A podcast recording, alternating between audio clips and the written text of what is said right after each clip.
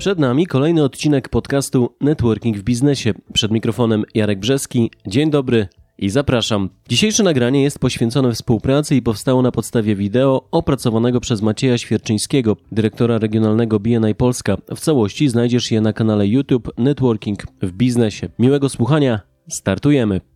Czym jest współpraca? Czego wymaga?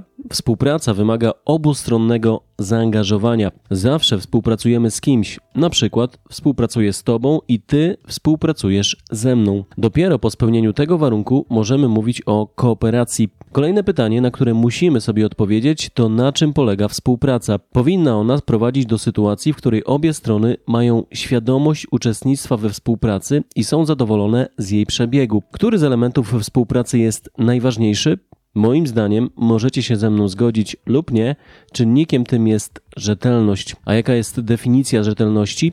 Dotrzymywanie obietnic tylko i aż tyle. Jeżeli coś komuś obiecujemy, to dotrzymajmy danego słowa i spełnijmy złożoną obietnicę. No, chyba że chcesz zyskać negatywną widoczność. W takim przypadku nie przejmuj się dotrzymywaniem słowa i spełnianiem mikroobietnic. Jakie obszary współpracy możemy wyróżnić? Pierwszy rodzaj to współpraca z klientem. Istnieje pewna grupa osób, które korzystają z Twoich usług lub produktów. Co możesz zyskać, będąc rzetelnym we współpracy z klientami? Może Ci to przynieść rekomendacje. Kolejny obszar współpracy to nasi dostawcy. W kontaktach z dostawcami również warto wyrobić sobie standardy właściwej współpracy. Dostawcy dostarczają nam półprodukt, z którego generujemy lub produkujemy pełnowartościowy towar. Dostawcą nazywamy też osobę, która jest dla nas podwykonawcą, czyli realizuje mniejszą część zlecenia, jakie przyjęliśmy od klienta. Dlaczego warto mieć poprawne, a najlepiej dobre relacje z dostawcami? Zaniedbania na tym polu prędzej czy później skutkują brakiem szacunku, dostarczaniem wadliwych i mało wartościowych komponentów i podnoszeniem cen. Tym bardziej, że współpraca z dostawcą prawidłowo pokierowana również może przynieść rekomendacje. Trzecim obszarem kooperacji jest znajomy naszej firmy przedsiębiorcy, z którymi dzielimy biuro lub budynek. Przykład: obowiązki nałożone na ciebie przez właściciela nieruchomości, którymi musisz się dzielić z innymi najemcami. Współpraca z naszym otoczeniem i środowiskiem, w którym przebywamy, może procentować zaufaniem i w konsekwencji też prowadzi do rekomendacji. Ostatni z obszarów współpracy, który może być dla Ciebie zaskoczeniem, to współdziałanie z konkurencją.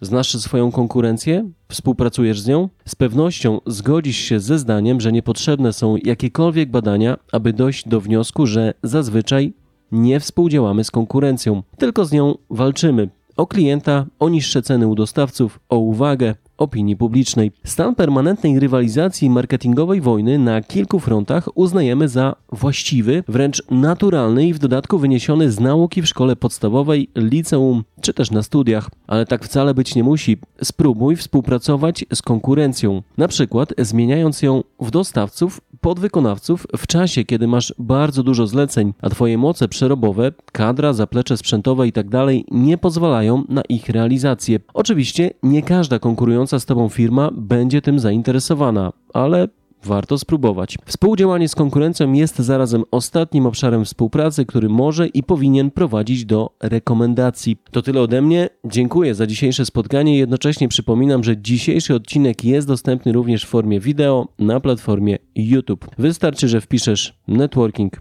w biznesie. A czy ty umiesz współpracować z konkurencją? Który z obszarów współpracy jest ci najbliższy? Daj znać w komentarzu. Życzę sukcesów i do usłyszenia za tydzień.